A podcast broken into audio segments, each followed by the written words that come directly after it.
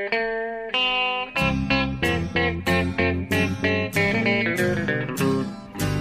out there, we're on the air. It's hockey night tonight. Tension grows, the whistle blows, and the puck goes down the ice. The goalie jumps and the players bump and the fans all go insane. Someone roars, Bobby scores at the good old hockey game. Oh, the good old hockey game is the best game you can name. The best game you can name is the good old hockey game. Hallå, hallå, hallå, hallå! Hallå! Och välkommen till 167 avsnittet av NHL-podden med Jonathan Mowgli Ekeliv från Ja. Örby, just nu på redaktionen i Stockholm och mig, Per Bjurman i New York. Det är dags för eh, den första bloggen för säsongen när vi är mitt inne i the action, efter starten och allt. Och Ja, eh, det har ju varit något eh, att prata om, kan man lugnt säga, Jonte, eller hur? alltså det har varit... Eh, ja, jag kan inte minnas en mer händelserik, bizarr, målrik, storyfylld första öppningsvecka av NHL någonsin nästan. Alltså. Det, Nej. Jag vet inte riktigt var vi ska börja idag men eh, eh, först och främst kan man i alla fall konstatera att det har varit helt bisarrt. Alltså otroligt Ja, underhållande. bisarrt. Jag, tycker det har varit en fantastisk eh, Ja. start. En, en rivstart eh, av Guds nåde. Eh, det har varit spektakulärt, roligt, upphetsande, otroligt oväntat. Eh, jäkligt, jäkligt kul. Ja. Ja, det, det, det, var, det var- det väl talat. Och, och apropå det. Du, du råkar faktiskt säga här eh, att det är den 167 bloggen. Riktigt så är det inte. Utan det här är podden. Men bloggen har ju, eh, är ju, är ju det, ditt verkliga format. Alltså det, jag, jag, din kollega här i podd, podden står sig slätt. Alltså vi spelar in det här på en måndag. Du ska snart eh, lyfta till Vegas. Och kommer att vara i Vegas på deras premiärmatch exakt samma dag, tisdag, som bloggen, NHL-bloggen fyller 10 år. Prick! Ja, Det är stort. ja det är... Eh, bloggen blir stor. Och fyller, fyller 10. Eh, ja, det är speciellt. Det hade man kanske inte räknat med när den startade då. Eh, 10 oktober 2007. Just det. Eh, det är ju otroligt att det har hunnit gå så mycket tid, men ja. Ja, det, det ska ju firas grundligt. Ja, det förstår I, eh, och det, en, det är en bra setting dessutom att det är på själva premiärnatten i Vegas dessutom. I en Ja. sån stad också. Ja, det känns som en, en, någon slags cirkel sluts där. Eh, ja, nej, det har... Nej, visst. Jag, jag älskar min NHL-blogg. Den var ju från början min och Thomas Ros. Det var ju Ja, hans det tror inte alla idé. har koll på. Nej, det var han som, eh, som fick för sig att starta en, en... Var det bara en allmän hockeyblogg då? Eller var det en NHL-blogg? Nej. Nej. Nej. Det var en NHL-blogg. Och jag tror ursprungligen var det så att han, eh, han sökte, ha- han ville starta den ihop med Mats Wennerholm, men Wennerholm hade inte tid, så han sa nej. Och då funderade han, vem ska vi då, vem ska vi då prata med? Och det vart, eh, då hörde han av sig till mig. Jag var så här skeptisk och tänkte, ja det här blir ju någon slags börda att ha på sig jämt. Eh, men okej, vi testar. Ja. Och sen så fort jag skrev det inlägget som, det första premiärinlägget 10 oktober 2007, det var så otroligt rolig form att skriva i så jag var, jag var fast direkt och eh, ja. På den vägen, eh, Thomas tyckte att det här, jag, jag stormade på som något jävla ånglok där så efter bara någon månad så klev han av och, och lät mig ja, skriva den där bloggen själv. Ja, ja, det, ja det, var så, det är så det gick till. Alltså, det är som du säger, det är på den vägen är det. För att, alltså, man skulle egentligen vilja gå tillbaka och bara plocka ut alla höjdpunkter från de här tio åren. För det finns några stycken man skulle kunna välja ut. Många. Men det är ju alltså ett bibliotek av tecken.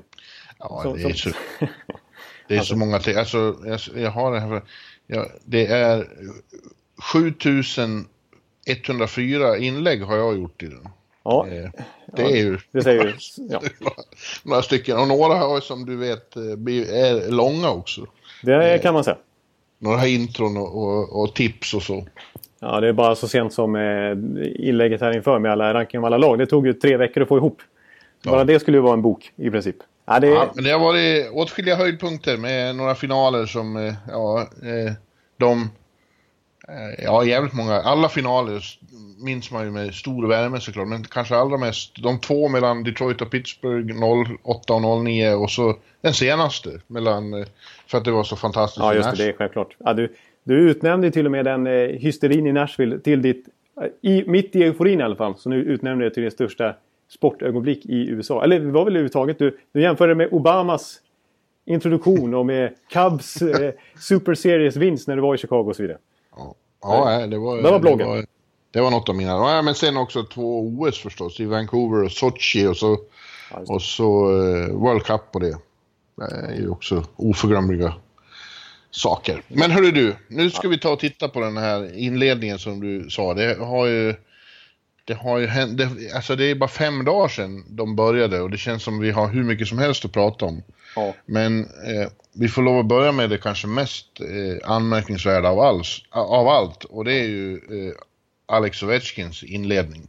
Ja, det känns... Jag håller med dig. Det måste man ju nästan eh, börja i för att... Eh, att han kliver in och, och gör ett... Dels ett hattrick då i, i tredje perioden så att det kommer tillbaks mot Ottawa där de låg kraftigt under Washington. I premiären, I ja. premiären precis. Och, och sen avgör på straffar dessutom. Det var, det var ju ett statement bara det. Och han eh, sällar sig till eh, alla hattrick-debutanter. Brandon Saad gjorde det. Conor McDavid inte minst med ett, eh, en riktig ja, vi återkommer till det. Nu pratar vi med honom. Men, men Ovechkin nöjde sig ju inte där så att säga. Utan då ska han ju... Då, då, då ställer sig ju Carey Price i, i, i, näst, i deras hemmapremiär i Washington och ska ställa, liksom, försöka försvara Montreal-Sverige där. Men det gick ju inte. Det tog ju en period så hade han gjort hattrick igen. På ett hel, med liksom helt, alltså det första målet till exempel är ju så otroligt så jag vet inte vad man ska... Det är nästan löjligt att han bara snurrar runt. Skjuter till med lasersikte rakt upp i krysset. Och så följer det på med två mål till och sen så ett, ett fjärde dessutom. Sju mål på två matcher av Alex Ovechkin. Ja, på, på tre perioder kan man säga. Ja, det kan man ju... eh, Ja, precis så är det ju. Ett, ja. Och eh, eh, ja, det är alltså första gången på hundra år sedan eh, säsongen 1917-1918, den Ja. allra första, som, som någon har öppnat en säsong med två raka hattrick. Ja. Det säger någonting om vilken, vilken prestation det är och vilken, vilken happening att det händer. Ja, ja. ja ex- exakt. Det, det, det, alltså för, visst, man, man eh, ryggar tillbaka när eh, Matthews gjorde fyra mål till exempel i sin debut förra året. Men det här är ju det här är någonting som aldrig har hänt på hundra år. Så att det, det är någonting alldeles extra. Det, det, Det är, ingen till, det är ingen tillfällighet. Jag pratade med, efter den här andra matchen, när jag pratade med Niklas Bäckström, så sa han att eh, jag, har spelat med, jag har spelat med Ovechkin i tio år eh, och jag har aldrig sett honom så här het. Det, det säger ju något också, för han har, han har haft en del bra säsonger även innan. Ja, 65 mål en säsong till exempel. Nu har han on pace för 287 mål. Så att han är, Ja, ja, det skulle... Ja, han 50 når han innan oktober är ja, över. exakt. Det var som Bob McKenzie skrev på Twitter eh, så här, när han växlade över match. Bara, har eh, ni som fortfarande följer Washington, har, eh, har Ovechkin redan avgjort Rocket Richard Trophy? Eller? Liksom? Ja, äh, fantastiskt. Och, och jag vet inte, det, det har ju funnits några slags... Eh, här och där har ju folk sagt att eh, Ovechkin är slut och så. Ja. Att, eh, eller slut, men att han är på, på väg neråt och så. Och jag vet inte, jag har... Jag, jag, det är folk som vänder sig till mig med sådana mejl men jag har väl aldrig sagt det. Tvärtom. Nej, nej, jag tycker snarare att eh, om, eh, om någon i den här duon ska få kritik för det så är det snarare jag. Det, Ja, in, inte för jag att jag vet- har, har snackat ner Ovechkin på det viset, men jag tycker du har varit, hållit hans fana lite högre. Och vi spelade ju in ett, litet tv-inslag för någon vecka sedan. Här Ja, vi, jag skulle just säga det. Ja. Senast när vi gjorde ranking om vem, vilka som är bäst i ligan så hade ju du och Garpenlöv och kompani, ni hade ju sänkt ner honom på typ 30 platsen. nej, inte, jag hade en topp 15 i alla fall. Men, men du vill ju ha Ja, jag hade han 10. topp 10. Ja. För att jag, bara för att han hade en eh, säsong när han inte kom upp i samma målskörd som vanligt så var det direkt oförskämt tyckte jag att ta ner honom så långt. Exakt, och dessutom det var ju inte... Det var ju ett riktigt mellanår för Ovechkin som hade gjort tre säsonger i rad dessförinnan gjort 50 mål och vi har sett han uppe på 60 mål dessutom. Men han gjorde ändå 33 mål förra året så det är ingen skandalsäsong direkt. Han var ju fortfarande en, en toppmålskytt i ligan liksom. Ja. Eh, Och, Ja. Du har pratat med Bäckström man har ju sett Kuznetsov som har, eh, som har eh, assisterat till alla dessa sju mål. Som sagt, som också har försvarat Ovi Har hela... han assist på alla sju målen? Ja, som jag förstår. Han har, står ju på sju assist. Jag tror faktiskt han, han, att det är just Ovechkins mål allihopa. Ja. Eh, Men han, har, han har ju sagt så här också att eh, dels så fick Ovechkin faktiskt lite kritik i somras eh, efter, efter, efter allt snack om den här säsongen när man såg bilder på honom på bröllop. När han såg lite stor ut och det såg ut som att Ovi liksom, han tar det inte seriöst längre. Men han sa nej, han, han tränar på. Ni, ni ska få se när säsongen börjar. Plus att min polare Ovi, han är liksom, han har ju ruggig pride i sig. Han, när ni håller på att tjabba sånt där, då kommer han bara bli ännu viljestarkare och vilja motbevisa kritikerna liksom. Eh, Ja. och man får säga att, att det, det har han gjort. Och sen var Barry Trotz har ju legat på här under sommaren och, och bland annat var han i Moskva och hade något så här 90 minuters samtal med, med, med Ovi på plats i Ryssland där de pratade lite grann om om eh, liksom, den kommande säsongen och hur, hur han ska stru- strukturera om det. Han har gjort några förändringar, han har tränat lite annorlunda. Han har faktiskt gått ner i vikt trots att folk inte Jag skulle ju säga det, det är ju en lite lättare Ovechkin. Och, Ja. och det, kanske har, det kanske har hjälpt. Ja, och, och, eh, och det som vi pratar mycket om att visst, alltså han, han hans stora styrka är ju att stå där till, vid vänstra teknisk cirkel och bara bomba på med sitt direktskott. Men att Ja. Ovi kanske, när han, har, när han har sin kropp, alltså när han väl får upp farten och han, när han väl har den där pondusen som bara Ovi, Ovi kan ha nästan. Så är han i princip ostoppbar. Så liksom, Barry Trotz vill ju ha in dem på mål. Eh, styra in puckar. Peta in returer, göra lite fula mål också. Liksom. Och det har han gjort här i början. Han har ju styrt in ett, eh, något Kuznetsov-skott här och petat in någon retur och så vidare. Så att, liksom varit, varit i gröten lite mer än vanligt också. Så att, eh, ja. En, en eh, liksom, revanschsugen Ovechkin kan uppenbarligen vara så här djuriskt bra. Fortfarande. Djuriskt bra, ja. Ja, själv hade han ju en skön kommentar. Han citerade eh, gamla kompisen eh, Brooks, Brooks Like var det väl.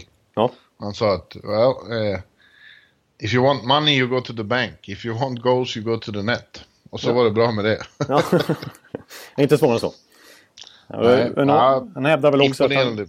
Ja, han, han, det har kommit massa förklaringar. För alla söker förklaringar här när, när, när han gör så extrem start. Att, ja, han gör ju alltid hattrick när hans eh, frus syster är på plats. Ja. Och, och nu, nu han har bytt, han har bytt till CCM på klubban, i klubban. Det är nog därför det går så bra.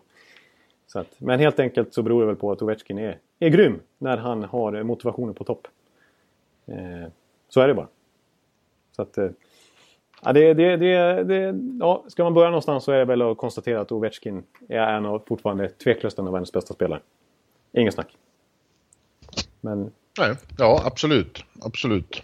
Ja, en annan grej vi bara kan nämna från, från Washington är ju att eh, är ju bara att eh, vi har fått se en australier på isen också som också gjorde mål. Hyfsat överskuggat av Ovechkin visserligen men Nathan Walker Ja. från Aus- Australien gjorde, Ja, gjorde debut och mål. Och ja den upp, första australiensaren någonsin. Just det, uppringd av självaste premiärministern där då. Ja, och på matchen satt eh, Australiens nya ambassadör som lustigt nog heter Joe Hockey.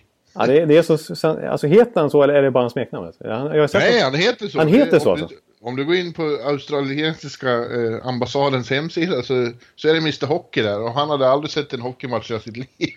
Ja, det är så alltså. För jag, jag, tänkte, jag har sett på Twitter liksom Joe Hockey, men han heter alltså. Det är ju 5 plus ju. Ja, Det är, det är bara en sån sak alltså. Ja. ja.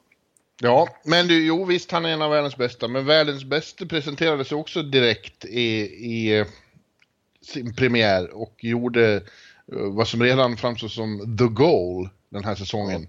Och då pratar vi om eh, Conor McDavid då som eh, vann, vann eh, Edmontons premiär på egen ja, hand. det får man säga. Ja. De vann med 3-0, han gjorde alla mål, hattrick. Eh, och inklusive då, andra målet var det ju som var en sån, eh, ja, det ser ut ungefär som, eh, ja det var lika anmärkningsvärt som Maradonas solomål i Mexiko 86. Ja. ja, exakt. Det, det, nej, det där med the goal, det stämmer verkligen. För att han, han tar helt enkelt puck, pucken i egen zon och sen så får han någon slags... Sen är det hans superkrafter, eller vad man ska kalla det. Alltså som ett tv-spel, där, typ Mario Kart, där man åker på någon sån här liten plupp och så får man eh, dubbel fart, eller trippel fart någonting. Och sen så är motståndarna totalt chanslösa. Och så har han, är han plötsligt fri på inom loppet av eh, 1,9 sekunder eller någonting. Från egen zon och så gör han mål. Det, det har man ju typ aldrig sett förut. Alltså den Nej. farten. Med Nej. kontroll på pucken. Ja, nej, det är helt otroligt alltså. Eh, eh, och det... Han får ju backar som egentligen är, är svinbra och framstår som, som rundningsmärken. Ja, TJ Brody är, är en av hans, han är ju liksom en creddig back, väl betald. Och en av hans styrkor som omnämns är hans skridskoåkning. Och han såg ut som ett kylskåp. Ja, Liksom, som, gjorde, som aldrig, inte hör hemma i NHL i princip. Men det, så är det ju inte, utan det är ju helt enkelt övernaturlig fart på denna McDavid när han bara kör. Och så gör han ju två Ja. mål till dessutom. Ja. Fantastiska citat av, av eh, Oskar Kle- Klevbom efteråt. Eh, Ja. det blir, jag, jag, jag, säger inte sånt här för att skryta att jag Nej. pratade med, men de har sagt bra saker så har de sagt bra saker. Ja, det... Och Os Oskar då sa på sin klingande värmländska att han tycker, eh, han sa att jag mår nästan dåligt om motståndarnas, eh, motståndarbackarnas vägnar när det där händer. Så. För jag, jag vet ju hur det känns, jag tränar mot honom. Det finns ja. absolut ingenting att göra. Alltså. Man blir bara frånåkt. Ja, ja det, det, det, stämmer. Och apropå på bloggen så är ju Klepbo med de, de kommande tio åren så kan han etablera sig som en blogg, ännu större bloggfavorit. Med tanke på hans eh, citatförmåga och eh, medgörlighet om man ska säga. Ja, och sin snabbhet att svara i telefon. Det finns inget man får tag i snabbare. Ja, det. Han brukar svara typ när han står i omklädningsrummet nästan. Är... Ja, en kvart, kvart, 20 minuter efter slutsignal då har han slagit på telefon för länge sedan och sitter och pratar. Ja, ja. Det är stort. ja, han, är, han är nog lättare att få tag i än vad jag är för dig när du försöker ringa mig. Ja, ja faktiskt. Du är dålig på att svara. Ja, jag är ju sämst på det faktiskt i jämförelse. Ja. Man Men... kommer till den konstiga svararen där den säger Jonathan Ekeliv. Du låter som en robot. Ja. Kan, kan inte svara. Ondskan. ja, ja. Men... nej men eh, jag, jag såg ju den där matchen också och de där målen i premiären som, som, en, som en bekräftelse på min teori där i, i, i förhandstipsen om att han på egen hand kommer att föra Edmonton till final. Ja, det, exakt. Det var verkligen ytterligare en indikation på det. Och, och i vår podd där när, när vi snackade upp dem och, och vi, vi tjabbar på i tio minuter någonstans. Men så slutar vi bara, äh, det här är bara struntprat. Det handlar bara om Conor McDavid i slutändan. Liksom. Det är han som är detta, denna klubb nu för tiden. Ja. ja. Att, eh, men eh, en, en, annan en, en, en, en klubb man kan gå in på lite grann som är mer än bara en spelare. Som också har en riktig supertalang som har gått etta i draften men som överlag tycker jag lever på sin bredd offensivt. Kanske lite större problem defensivt, men det har inte spelat någon roll hittills. Det är Toronto. Ja. Ja, de har absolut eh, som lag eh, varit ett, ett rungande utropstecken här i sina två inledande matcher också. Ja. Alltså, det är fantastiska att se. Ja, det, det, det, ja, det, det hade vi ju förväntat oss lite grann att, att de skulle vara bra. Eh, både du och jag har dem väl som vinnare av Atlantic åtminstone och, och till och med i konferensfinal. Ja, det fanns väl de som trodde att de skulle vara, att det fanns risk för sophomore slump, men det verkar ju så lagom aktuellt. Nej, det känns som att de har växlat upp ytterligare liksom. Eh, och de har alltså gjort 15 mål på två matcher. Och vi ska komma ihåg det att vi ska inte dra för stora slutsatser. Det var vi ju jättenoga med i förra podden. Att... Ja, vänta, det där ska vi återkomma om i slutet. Ja. Nu, ja. Nu, nu kan vi hypa först. Nu kan vi hypa först, ja. sen, sen så tonar vi ner det lite grann. Men, men eh, ja, de, har, de börjar alltså med att eh, fullständigt förstöra Winnipegs hemmapremiär. Eh, Steve Mason hade ingen rolig kväll. Debut. Nej. Och eh, visst, Winnipegs, eh, hans målvaktsspel och, och försvarsspelet inte minst i Winnipeg var väl, lämnade mer att önska men framförallt så, så är ju Toronto extremt potenta och, och på de här två matcherna så är det än så länge bara en spelare som inte gjort poängen som var med i båda matcherna och det är eh, Connor Brown, forwarden. Annars har alla gjort poäng. De har ja. liksom, det alla kedjor levererar. Visst, Matthews sticker ut lite grann. Nylander har gjort några assist. Eh, Marner, den har varit bra men... Ja, Marlow liksom. Men det är alla, alla levererar. Ja, det är helt otroligt. Det, där såg jag, eh, Steve Valkett var det på tv som, som beskrev det så bra när han sa att, att eh, för, för bara två år sedan, då var Van Riemsdyk och eh, Kadri Torontos snabbaste spelare. De är fortfarande snabba, men de är förmodligen lagets långsammaste spelare. Ja. Det säger någonting om vilken, vilken, eh, vilken förändring som har skett där uppe i Big Smoke. Ja.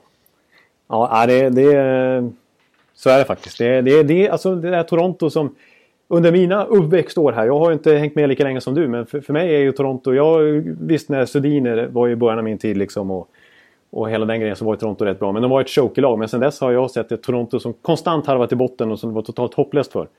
Men nu, ja. nu ser det här laget som bara osar av framtidshopp. Ja, verkligen. Och som framtiden är nu liksom. Den där första perioden mot Rangers var ju något i hästväg också. Nu var ju Rangers jävligt dåliga då, ja. fram, deras försvar i den där perioden. Men samtidigt alltså, eh, det var, det var 16-17 scoring chances på en period. Det är ju fan helt sjukt sjuk siffra. Ja, det är faktiskt, det, det, nej det går inte riktigt att förklara. liksom. Då är det inte något kul för målvakten och det var det inte heller. Nej, det var inget kul för Henk Lundqvist och det var inget kul för Pavlets till slut och det var inte så kul för eh, Mason och det var inte kul för Hellebuck. De har ju mött fyra målvakter och alla har haft det fruktansvärt svårt. Det var ju dock lite anmärkningsvärt med den matchen att de gick upp i 5-1 och sen kom Rangers tillbaka och han kvitterade i andra perioden. Det stod ju 5-5. Ja, exakt. Det, det, det, där å andra sidan så, så märkte man ju här lite, lite farhågan för, för det här offensiva laget och att man är lite... Man, det stora frågetecknet är fortfarande kring backsidan, alltså kvaliteten på den. Ja, fast och, det där är ju... Alltså, ja, visst. Eh, och de hade ju sådana där tendenser i fjol. Mm. Och man sa att de är så unga så det där händer. Nu tror jag mer det var en fråga om, alltså, när man går upp i 5-1 i första perioden, då är det ju lätt att man lättar på gasen och sen är det svårt och det, att komma tillbaks till den intensitet som behövs. Det händer ju inte bara unga lag, det händer ju bara. Det händer ju vilket lag som helst, i vilken sport som helst nästan. Ja. Eh, det, är ett, det är ett mänskligt fenomen på något vis. Ja, jag tror inte det är så. Nej. Sen, ja. sen gasade de på igen i tredje perioden och gjorde 8-5 till slut. Ja. Uh, We're freewheeling, sa Babcock. It's fun, but it's kind of stupid. Samtidigt så visst, Babcock, han, han gillar ju inte när det blir sådär. Han är ju inte den... Han, han är ju urtypen av coach som vill ha ramar och struktur. Eh, egentligen. Men, men jag tycker samtidigt att hans kroppsspråk och hans sätt att coacha och lite vad han har sagt också det här i inledningen är liksom det går inte att ifrågasätta honom men, men positivt från, från min synvinkel att han ändå liksom han snackar om att, att han är väldigt nöjd med hur långt de har kommit i processen. Att de har tagit till sig liksom mycket av hans direktiv och det sättet som han vill att de ska spela sin hockey på. Och han ger dem ju mycket ansvar själv också. Och nu handlar det mycket om att de ska få förtroende. Att han inte ska gå in och hatta och bänka spelarna när de gör fel och sånt där. Utan att ha kontinuitet i kedjorna liksom. Och att de ska fortsätta bara växa in i det för att de är på väldigt god väg att göra det. Eh, alltså till exempel kedjan med Van Riemsdyk, Bosak och Marner var ju inte bra i den andra perioden mot Rangers när de var inne på tre mål. Alla fem mot fem. Mm. Eh, och sen så är det ändå de som kommer ut och gör 6-5 direkt i början av tredje.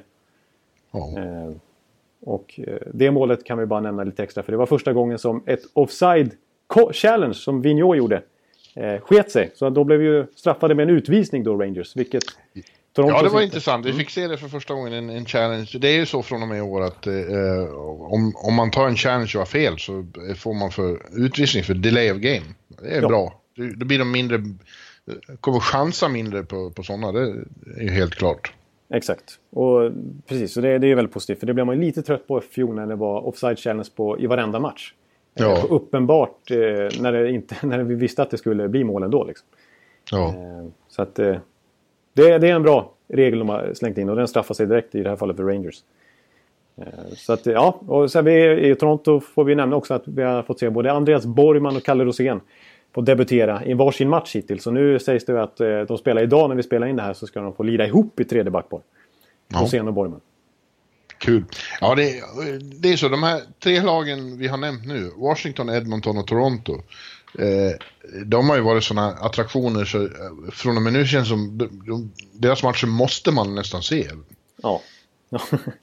nu kommer jag att sitta på ett plan ikväll så det kanske blir lite eh, krångligt. Men eh, Ja, ja. ja. Hur som helst.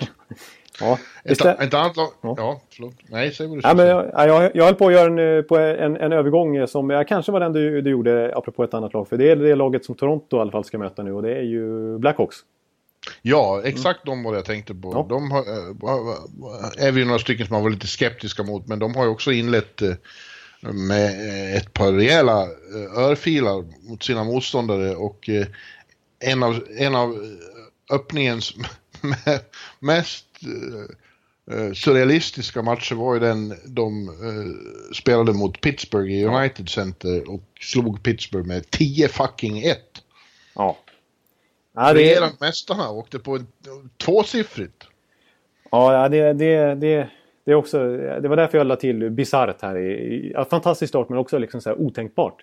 Att det blir 10-1 för de regerande mästarna i baken mot ja. Chicago som vi har snackat ner här. Vi ska ju som sagt inte dra för stora slutsatser men det är ändå imponerande eh, säsongstart av Chicago. Bara kort senare så trycker de till, eh, till även eh, Columbus som ju börjar med att vinna stort mot mm. Islanders i sin tur. Kommer till ja. United Center och får även de dyngpisk av detta ja. lag. Man kan ju påpeka att både Pittsburgh och Columbus spelade back-to-back -back och, och ja. någonstans är det ju väldigt eh, egenartat att regerande mästarna får börja med en back-to-back. -back. Eh, det var vad som hände dem. Eh, det är ju ingen ursäkt för att få stryk med 10-1. Eh, det, är ju ett jävla fiasko. Å, å andra sidan, eller, vi, vi ska komma tillbaka till det här med förväntningar och så som byggs nu. 10-1, det säger ingenting om Pittsburgh eh, egentligen. Det var ju en fluk. Ja. Eh, det, det, är jävligt konstigt att det kan hända med så mycket bra spelare som de har i det laget, men, men Jesus, jag har fått mail och sånt från folk. Jag ser hur dåliga de är nu, det kommer ju att gå till helvete. Nej, den, den, den, matchen kommer att vara en, en, historisk liten fotnot som eh, kommer att vara underhållande att tänka på. Men den, den säger ingenting om Pittsburghs säsong i år, det törs jag svära på. Nej, de, de gasade tillbaks rätt bra på hemmaplan sen och, och nollade Nashville efter att ha släppt in tio mål. Eh, ja. Kort senare. Så det känns ju som ett, en parentes. Men, eh... Ja, en passus där måste jag lägga till då att efter, eh, efter utskåpningen i Toronto så åkte ju Rangers hem hit till Manhattan igår. Ja. Och där slog Montreal med 2-0. Så Lundqvist eh, studsade tillbaka och höll sin första nolla för säsongen och var väldigt bra. Ja. Det ska påpekas. Det var, det var roligt för honom att få, få liksom replikera på det sättet direkt. Exakt, så det är, det är, det är lite gemensamt tema. Ovechkin var slut, det var han inte alls. Henke Lundqvist var slut efter den där matchen i, i Toronto. Håller nollan matchen efter. Det är mycket liksom och, och Pittsburgh var eh, superfiasko efter 1-10. Sen går de och vinner med 4-0. Liksom, så att det, det, det, ja, man ska, Nashville man ska... i finalreprisen och då var de ju desto mer, de var ju jävligt eh, angelägna om att få, få visa att de kan efter den där fiaskomatcher. Men, men Chicago då, som sagt, det är ju ändå imponerande att de... Eh, för Columbus tyckte jag såg jävligt bra ut i sin premiär mot Islanders. Och tänkte ja. att den där eh, kampen i United Center mellan de två kommer att bli någonting. Men det var ju över direkt för att Chicago bara körde över dem. Ja. Uh, och hur kommer det sig då, Jonathan? Det verkar ju som att Brandon Saad trivs väldigt bra hemma igen. Ja, alltså nu... Lite synd att i den här matchen mot Columbus så blev Nick Schmolt skadad där. Vi får se hur länge han blir borta. Men annars hade jag tänkt att dra det som argument. För att jag tycker ändå... Jag var inne på det i våran... Pre, eller när jag skulle tippa förra veckan. Så hade jag ändå med... Även fast vi snackar ner Chicago en del så har jag så pass stor respekt för coach Q. Och liksom att han brukar få ihop det på något vis. Så jag gillar verkligen dynamiken i Chicagos kedja i de här två första matcherna. Eh, eller mm. alltså att... Att Brandon Saad och Jonathan Tays, de passar uppenbarligen väldigt bra ihop. eh, Saad gör ju hattrick direkt liksom. Eh, och är väldigt bra i den här matchen mot Columbus också. Och sen då att Kane, Schmaltz och Hartman har ju blivit en ny fin kedja. I, I brist på Panarin så har ju Schmaltz redan tagit ett väldigt stort kliv den här säsongen och liksom faktiskt petat ner Anisimov i kedjehierarkin där. Eh, och det är sin tur inte negativt för nu har man plötsligt en fin tredje kedja också med Anisimov och Sharp. Eh, och The, Brink, The Brinket har väl spelat där. Så att jag tycker från att förra året när liksom inte Taves-kedjan funkade heller så var man väldigt beroende av Panarin och Kane i en kedja. I de här mm. två första matcherna som vi inte ska dra för stora slutsatser av så har de varit väldigt, väldigt, väldigt breda liksom. Det som vi fruktade lite grann att de skulle tappa utan Panarin var ju eh, liksom bredden. Men de har, det är liksom tre kedjor som har fungerat väldigt bra. På två matcher, ska tilläggas. Men där, ja, det är värst vad du reserverar det här. Ja, jag verkligen reserverar. Men jag vill hylla coach Q då. Eh, mm. Som är väldigt skicklig på, på att matcha sitt lag och hitta dynamik. Liksom. Så att det, det, det, tror jag väl är en stor orsak, eh, eller ja, anledning till det. Ja. Ja.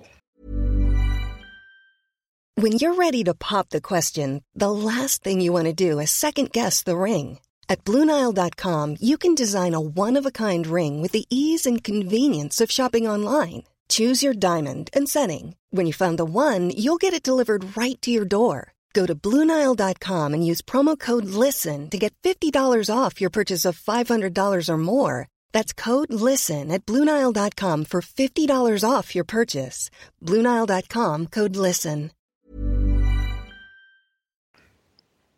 Ja, eh, eh, en överraskning är förstås också att eh, Vegas Golden Knights har inlett sin levnadsbana med två raka segrar. De är fortfarande obesegrade. Jag vet inte hur det känns att förlora i NHL.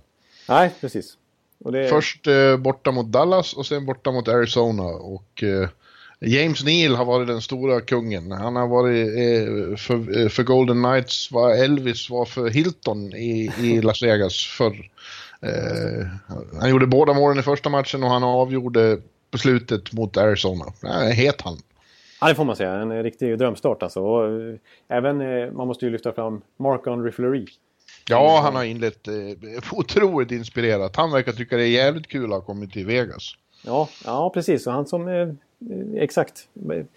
Det, man tänkte att det skulle vara lite knöligt där hur Pittsburgh skulle lösa målvaktssituationen. Men han gick ju med på att häva sin eh, no trade-klausul där och, och komma till Vegas. Och har ju varit... Den gamla Fleury liksom. I alla fall så här inledningsvis. Otroligt skarp. Alltså där i Dallas, han räddade ju 45 skott. Jag menar Dallas ja. gör ingen dålig premiär men det är, det är han som ihop med Neil fullständigt är tungan på vågen där.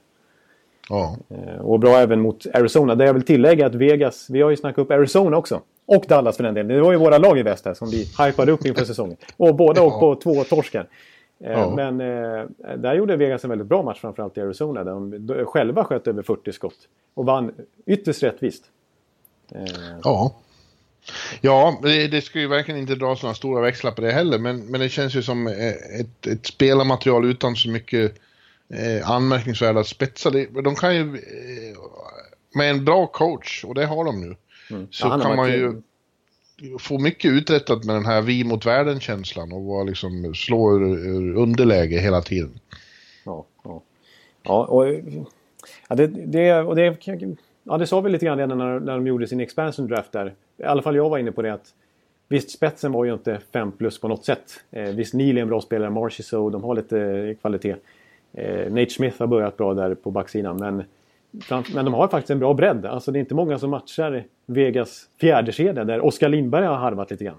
Alltså de har, de har väldigt jämn kvalitet på sitt lag. Så de är ändå tunga att möta liksom på det viset. De kanske inte har den där punchen som dödar en match. Men de har ändå en bredd som inte viker ner sig. Eh, sen, mm. sen, sen, måste jag när man pratar Vegas nämna det här som är, som är suspekt. Att, eh, att Vadim Shipashov deras första center, prestigevärvning. Första värvning eh, av etablerade spelare liksom. 4,5 miljoner i, i, lön då i två år. Eh, som man lyckas locka över från KHL. Han är nere i AHL. Ja, men det här beror ju på eh, att de har krånglat till det för sig, eller hur? Ja, alltså precis. Jag, jag, tycker ändå att det är svårmotiverat. Men det beror ju på att de har krånglat till sig för sig att de har så otroligt många spelare med envägskontrakt. Eh, medan då Shipashov, eftersom han är ny i ligan, inte behöver passera waivers det behöver inte heller backen Shea Theodore som är kanske deras topp 2, topp 3 back minst. Kanske bästa back kan man argumentera för. Absolut den mest talangfulla i alla fall. Han behöver inte heller passera waivers till skillnad från nästan alla andra. Och får då inleda i, i Chicago Wolves där han fullständigt har dominerat i AHL. Han har gjort fem poäng på två matcher. Alldeles för bra för den ligan.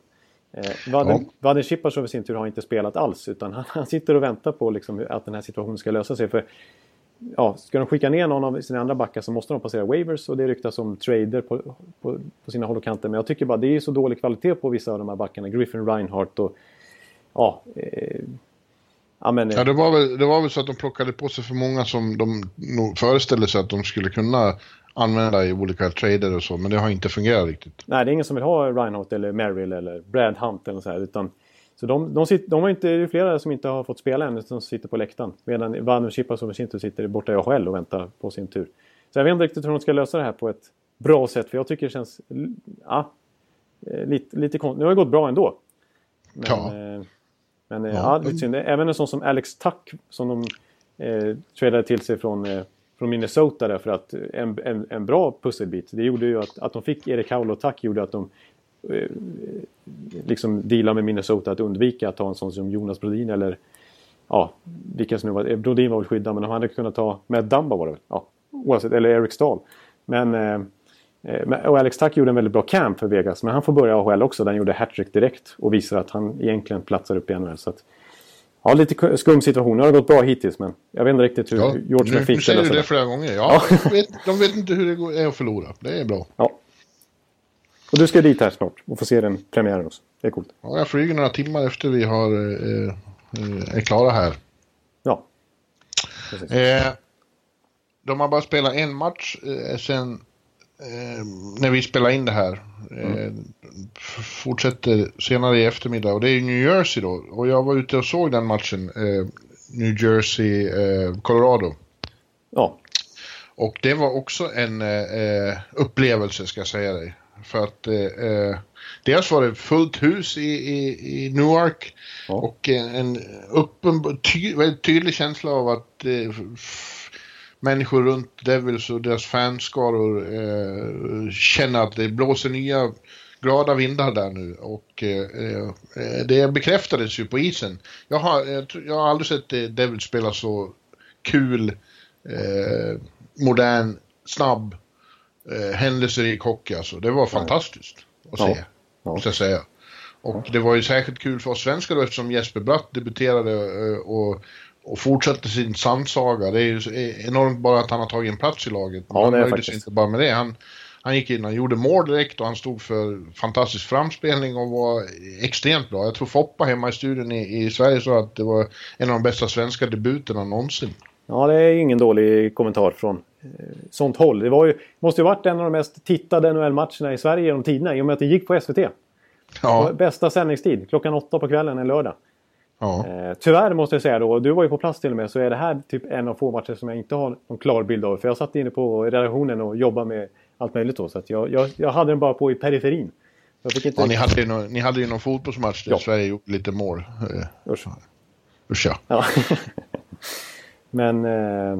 Nej, men det, är ändå coolt att konstatera då. Alltså, jag, jag såg Will Butcher tre assist i sin första match. NHL-debut. Det var ju NHL-debut för Nico Hischier som skötte sig bra, vad jag förstår.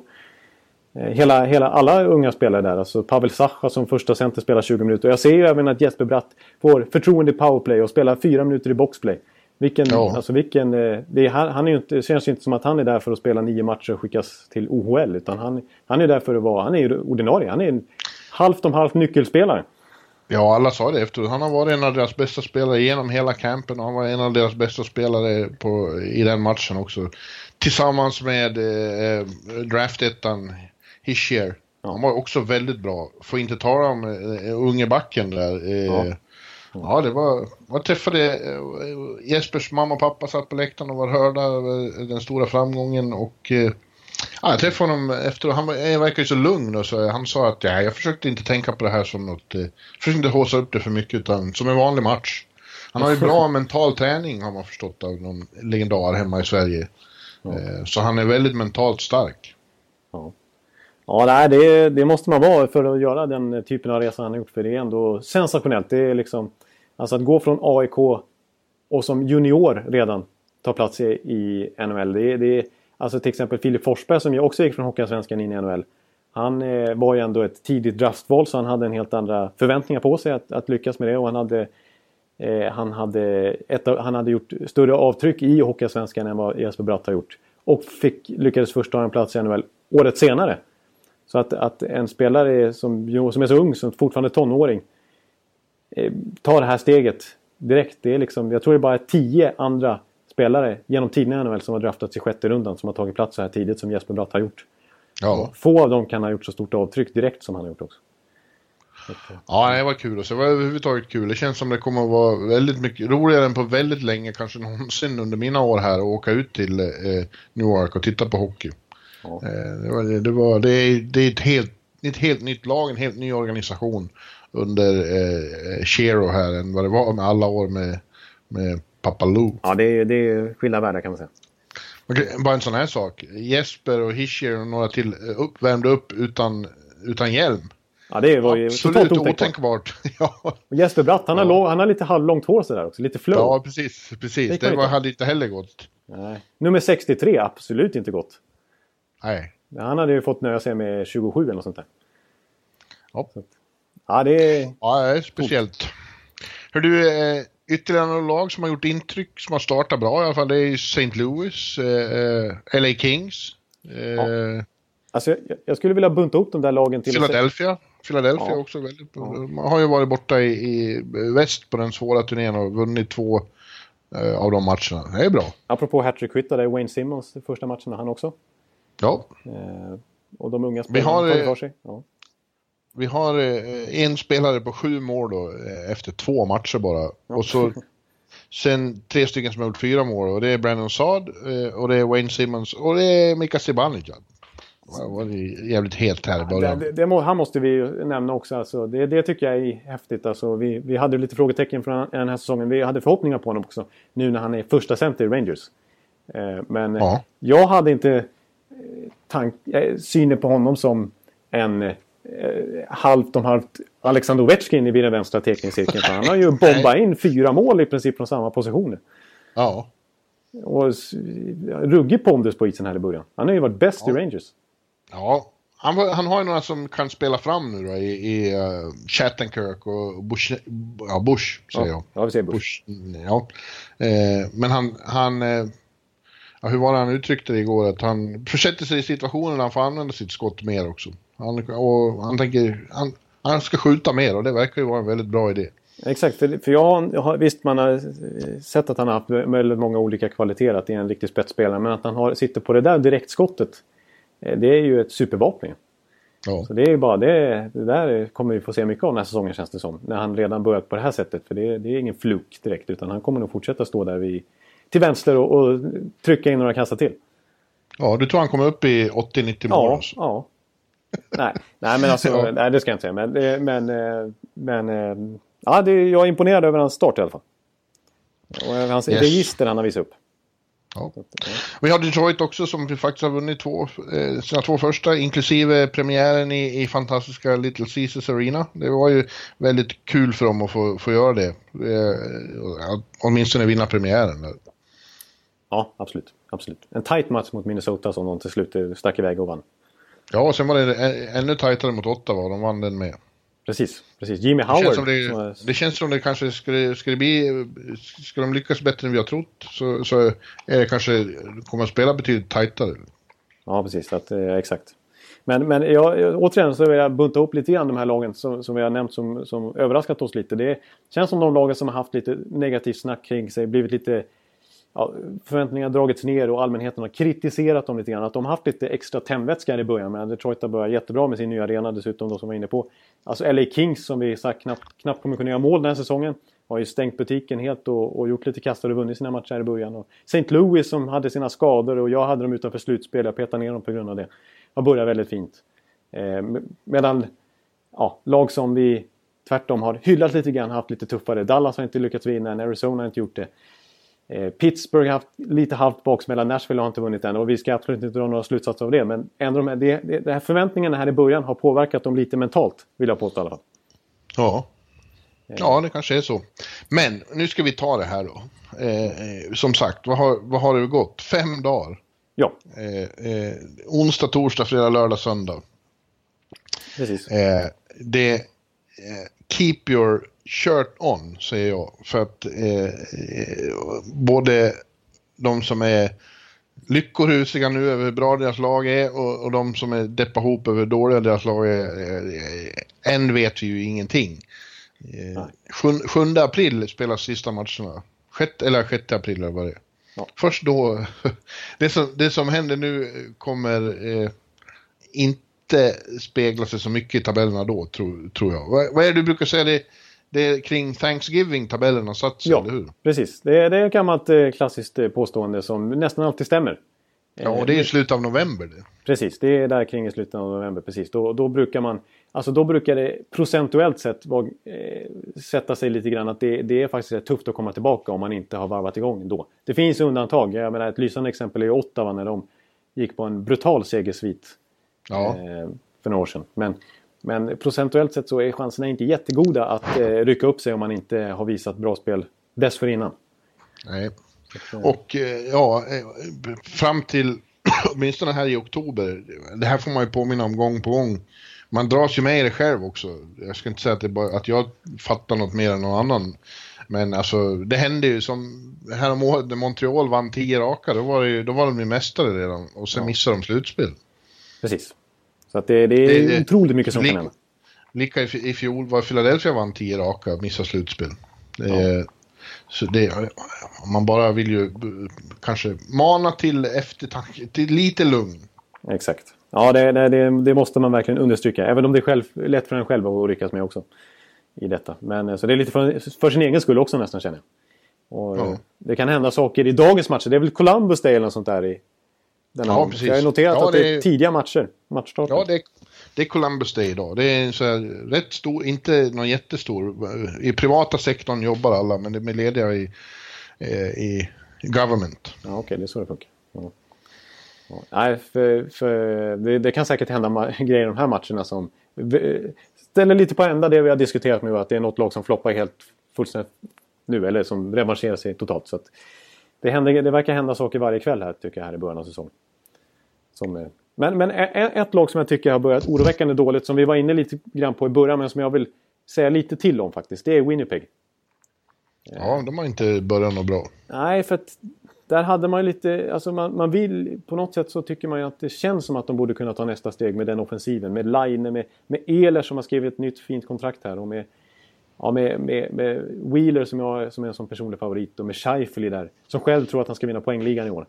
Och med eh, alla de här unga spelarna på väg igång i övrigt också. Men så har det, återigen är det liksom här i början då eh, lite målvaktsproblem.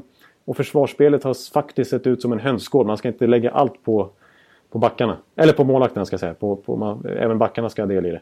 Och denne mm. man i båset som vi var så inne på här på, inför säsongen att, att, och management är att det som vi har kritiserat dem för och att de valde till och med att förlänga med de här gubbarnas, eh, alltså med Morris och Cheveldayoff.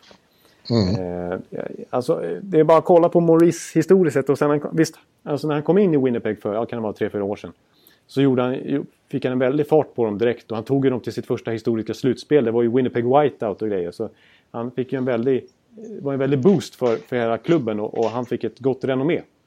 Men totalt sett över Maurice karriär så har det ju varit dåligt försvarsspel. Alltså under Winnipegs år med honom så har de ett boxplay konstant i princip under 80 procent. Eh, det är absolut i botten av ligan. Mm. Under Maurice, hela hans NHL-karriär som har spunnit över en lång, lång, många alltså decennier. Så har han aldrig haft, så, så, totalt sett hans målvakts eh, räddningsprocent på alla målvakter utslaget är drygt 0,5 procent, eller 0,5 procentenhet ska jag säga, under genomsnittet eh, bland målvakter i NHL. Så han får ju aldrig till bra målvaktsspel och det kan ju inte bara bero på målvakterna utan det måste ju bero på försvarsspelet framför också. Han, han, han sätter inte ett bra försvarsspel. Och återigen här i början av säsongen så ser det kast ut i boxplay och det ser inte bra ut i, i försvarsspelet överhuvudtaget. Så det tycker jag är oroväckande för detta lag som är så spännande i övrigt. Ja, men det är också det där vi pratade om när vi gick igenom dem, analyserade det här, det här att det, det, det, finns inte, de är inte tillräckligt, eh, de är inte tillräckligt frustrerade och besvikna när det går dåligt, när de missar slutspel. De är, de är fortfarande för glada för att ha ett NHL-lag i Winnipeg. Ja. Eh, så, det, så det blir inte tillräckligt eh, eh hårt i, i, i, i, organisationen. Man reagerar inte tillräckligt starkt på uteblivna framgångar. Ja, jag gillar den formuleringen där i det här Packdad-inlägget som var typ att bla bla bla, inte, liksom alltså att målvaktsspelaren inte varit good enough, Paul Maurice har inte varit good enough och eh, pressen på att vara good enough har inte varit good enough. Nej, precis. Så att det, det, jag håller med dig där. Det är lite som ett... Det, och de har nästan gjort det till sin grej lite grann, fansen, den här förlorarmentaliteten. Att vi, vi supportar vårt lag i vått och torrt, hur dåligt det än går. Lite grann. Ja. Det är lite Winnipegs grej. Det är väl i och för sig bra. Men, det, det, är vackert.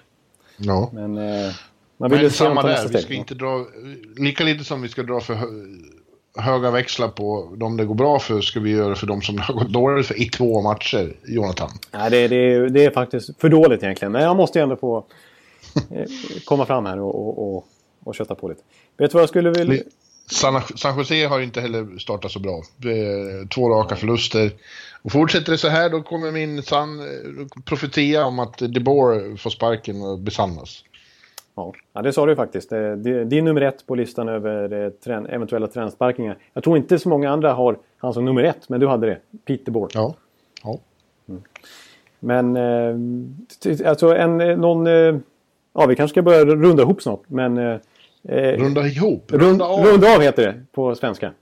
Ja, jag håller på vet du, jag sitter och parar ihop strumpor här samtidigt som vi pratar. För jag håller så? på att packa. Jag ska åka snart. Precis, du ska till Vegas. Eh, ja. Som vi mycket väl vet nu i det här laget. Och, eh, men men eh, en sak som vi inte kan lämna okommenterat förbi.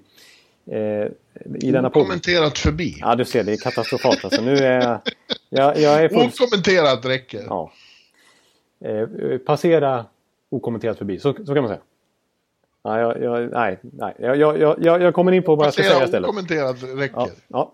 Det är alltså... Eh, Eh, lite feta kontraktsförlängningar. Jag eh, nämnde Ehlers, men kort efter att vi spelade in förra veckans podd så blev faktiskt Jack Eichel klar med sitt nya kontrakt. Ja, just det. Det var inget litet summa, eh, utan det var 80 miljoner dollar. Det var alltså 10 miljoner dollar per säsong i åtta år. Det är, en, det är ju, han är, kliver rakt upp där bland de högst avlönade i hela NHL. Alltså med, han är ju bakom McDavid förstås, men han är uppe där på Taves, Kopitar, Kane-pengar liksom. Carey Price. Ja. Kontrakt. Och skillnaden mellan honom och dem är att han inte har uträttat egentligen någonting än. Nej, Alla vet vilken potential han har, men Buffalo har ju inte eh, lyft. Och det har inte bara berott på honom, eller långt ifrån bara på honom. Men eh, ja, och det har inte börjat så jättebra nu heller. Nej, och där, tycker jag, där vill jag faktiskt eh, trycka lite på det faktiskt. Eh, alltså skillnaden mellan de två. För att eh, när de, de gick ju som etta, tvåa i den draften. Och Buffalo hade ju så gärna hoppats på McDavid först för att de kom ju sist. Så de hade ju, det var ju en massa McDavid-tröjor på, i Buffalo redan under säsongen. Eh, då för att de trodde att de skulle få honom. Men så torskade de mot Edmonton i draftlotteriet. Och fick nöja sig med Eichel. Men det var ju en vinstlott det också tyckte man. Eh, och Eichel själv tyckte ju att han är ju bättre än McDavid så han ska ju gå nummer ett egentligen. Han är ju grym. Ja. Eichel har ju höga tankar om sig själv och det är därför han det är sen tidigt stadium stått klart att han skulle kräva de här pengarna. Liksom. Redan innan han har börjat visa. Han vill inte låta den här säsongen passera heller. Utan, för jag menar, det var ingen panik att skriva det här kontraktet egentligen. Men nu får han sina pengar. Men jag är lite tveksam till honom. Dels som du säger, alltså, man ser ju vilken skillnad på laglyft eh, mellan dessa spelare sen de kommit in i sin respektive förening. Sen tycker jag alltså lite så här kroppsspråk och liksom vad de signalerar som ledare. Jag tycker de skiljer sig. Visst, McDavid är lite tråkig men han, han får sin omgivning att lyfta sig. Men Eichel är mycket så här skylla ifrån sig och sådär. Nej, det, nej, det håller jag inte med. Det håller jag inte med om. Ja, men jag tycker... Nej. Eh, Nej, för fan. Han Nej. eh, har ju tagit, jag tycker han har tagit ansvar och så när han stod och hade, höll den där presskonferensen, han var ju väldigt besviken på att de tog det för lätt på sig, men han tog ju eget ansvar också, absolut. Ja, jag, jag är kanske lite överdriven då att skylla ifrån. Men ändå så här. Ändå peka lite grann. Jag tycker när, alltså, ytterligare ett exempel var när han kom till VM där. Alltså nu ska man inte dra för stora slutsatser av ett VM. De kommer till Storink. De har spelat en hel lång NHL-säsong och är trötta. Och eh, ska spela liksom på andra sidan eh, jordklotet. Och det betyder inte jättemycket VM egentligen. Kanske. För de här spelarna. Men, men eh, han var ju totalt ointresserad av den turneringen när han var där. Han gjorde noll mål trots att de mötte Italien och Lettland och Danmark och så vidare. Och de åkte ut med dunder och brak eh, mot Finland och ju nollade i den kvartsfinalen. Jag tyckte Eichel gjorde en väldigt slät figur då. Eh, Wow. Hatattacken i natt. Jonathan Ek Stenhårt, alltså. Jack, Jack Eichel. Ja, ja det, det känns lite dåligt för att det är ju faktiskt... eh, Då ska jag, nu, nu, nu drar jag mig tillbaka igen så som jag brukar göra. Men Grattis, grattis till Buffalo Sabres-mailen som kommer nu. Alltså, Ja, de nej, har eh, väldigt engagerade fans. Men han, han, det, är- naturligtvis är en jättebra spelare och man har ju sett några giffar som har varit fantastiska. Eh, jag menar, emot Montreal där slår han ju en fantastisk passning till Pommerville till exempel. Så hockey, alltså hockey-IQ uppe hos Eichel är på enorm nivå. Alltså det är en jätteskicklig spelare. Men som ledare så är jag lite, ändå lite tveksam till honom. Det måste jag säga. Ja, lite helt plötsligt efter den här attacken. Men eh, ja, jag ska sluta. Nu har jag snöat in mig fullständigt. nu. Ja, det har du. Ja, jag, jag har kommit ur den här eh, hörnan. Men hör du Ekeliv, nu måste jag bara... Eh, eh, det kommer en bil snart. Ja, då, eh, då tackar vi helt enkelt för den här veckan. Vi, vi fick, eh, jag tycker ändå vi hann komprimera ihop eh, de här fem dagarnas händelser på ett, eh, genom att eh, få med en hel del i alla fall. Ja. Ja. ja, det var inte så konstigt med tanke på allt underbart som har hänt och allt eh, anmärkningsvärt som har hänt. Eh, som sagt, vilken rivstart. Och låt oss hoppas att det fortsätter så här. Då får vi en fantastisk vinter. Ja, då, då kommer det vara eh, ja, fantastiskt. Vi, Ja. vi bara hoppas på det. Och det tror vi på. Nästa vecka då kommer det rapporter här i podden om hur det är att se på NHL-hockey eh, på Strippen i Las Vegas. Det blir ju något att berätta om, hoppas jag. Ja, det förväntar jag mig. Det tror jag verkligen. Ja. Och eh, det ska vi inte minst återigen påminna om att det kan man göra i bloggen. Eh, denna tisdag. Som vi har. Yes. Då är, Yes. då är den på plats. Tioårsjubileumet i Vegas. Ja. Så att, eh, då ska du få hoppa på planen snart. Och så säger vi tack och bock för den här veckan. Fina grejer. Ha det så bra. Kul att ni lyssnar och vi, vi hörs nästa vecka. Hej hej! Hej! Hallo, hallo, hallo. Hallo, hallo, hallo. Alex Chiazot, Joe Luis Arena och Esposito. Esposito. Uttalsproblem, men vi tjötar ändå. Och alla kan vara lugna, inspelningsknappen är på. Bjuder Hanna Kohl, han är grym i sin roll. Från Kållesoffan har han fullständig kontroll på det som händer och sker. Det blir ju allt fler som rattar in hans blogg. Och lyssna på hans podd. One, two, time, speed, so Hallå, hallå, hallå. One, two, time, speed, so Hallå, hallå, hallå. Ekeliv, som är ung och har driv. Verkar stor och stark och känns allmänt massiv. Han hejar på Tampa och älskar Hedman. Sjunger som Sinatra. Ja, och där ser man. Nu är det dags för refräng. Dags för magi, Victor Norén. Du är ett geni. Så stand up at home and remove your hats. Höj volym, för nu är det plats. One, two, time, speed, so Hallå, hallå, hallå. One, two, time, speed, so Hallå, hallå, hallå. One, two, time, speed, so Hallå, hallå, hallå. One, two, time, speed, so Hallå, hallå, hallå. Det är otroligt länge sedan båda samtidigt var så här bra. Hallå, hallå, hallå. Det är otroligt länge sedan båda samtidigt var så här bra.